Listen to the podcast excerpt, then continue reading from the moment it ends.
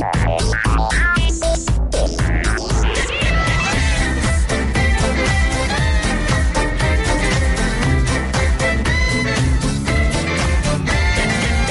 de créixer, Oriol López, molt bon dia.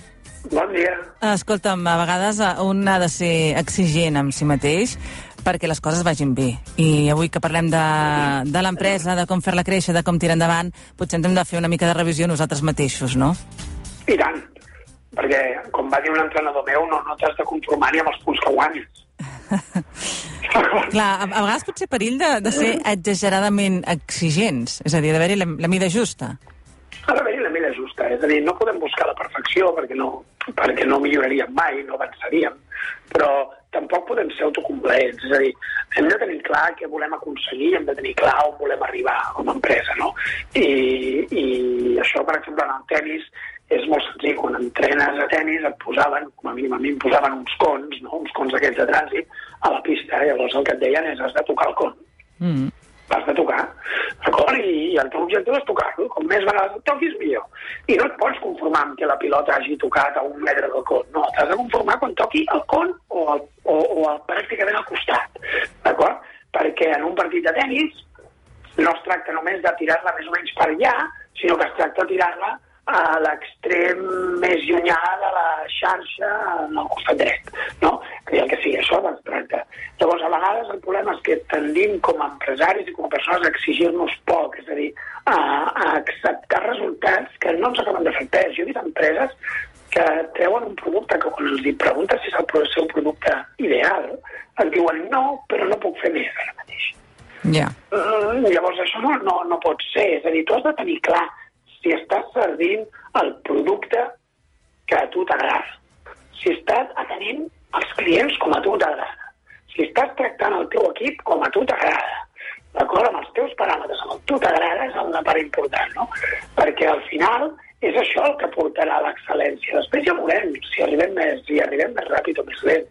Jo tinc una clienta que té una, una cafeteria, no rebaixarà el nivell, encara que els resultats no siguin eh, encara o en un moment donat els que ella vol, no rebaixarà la qualitat del cafè que serveix. D'acord? Perquè és el cafè que ella vol servir. Mirarem el model de negoci, mirarem el preu, mirarem el màrqueting, mirarem moltes coses, però la qualitat no la vol perdre. A, veure, a vegades hi ha empreses que tendeixen a servir, podríem dir, porqueria, només perquè així funciona, encara que ells no se senten còmodes. I al final l'empresa és la teva, és, forma part de la teva vida. Clar. Per tant, has de pensar si ets feliç amb allò que estàs oferint. Mm -hmm. Si t'agrada allò que estàs fent o no. Per això has de demanar-te a tu mateix exigència, no? Si tens l'empresa, la pregunta que has de fer és, tens l'empresa i la vida que vols? Perquè si no, tens, doncs, pot haver-hi dos problemes. Un problema pot ser que no sàpigues què vols. Que això és un tema d'objectius, n'hem parlat alguna vegada. Sí, sí, És- i tant, i que això li passa més...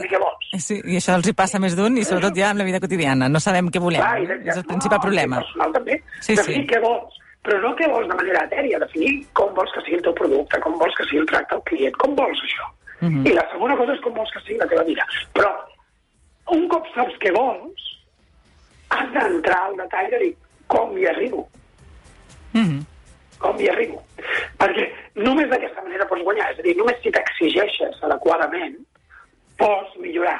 Si simplement et conformes perquè, bueno, els números van tirant, bueno, perquè hem fet aquesta venda, home, la veritat és que el servei al client que tenim és un desastre, perquè entreguem tard, a vegades arriben les coses malament, però, bueno, escolta, els números van sortint, no?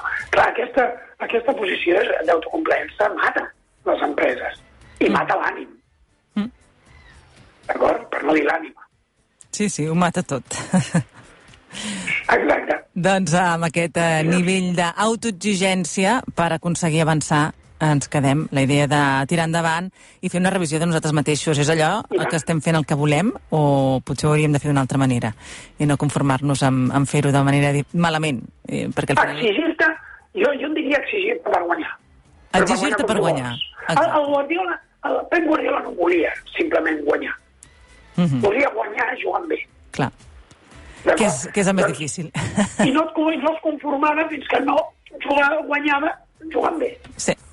Ah, No- però és, és legítim voler guanyar i no jugar bé. És legítim.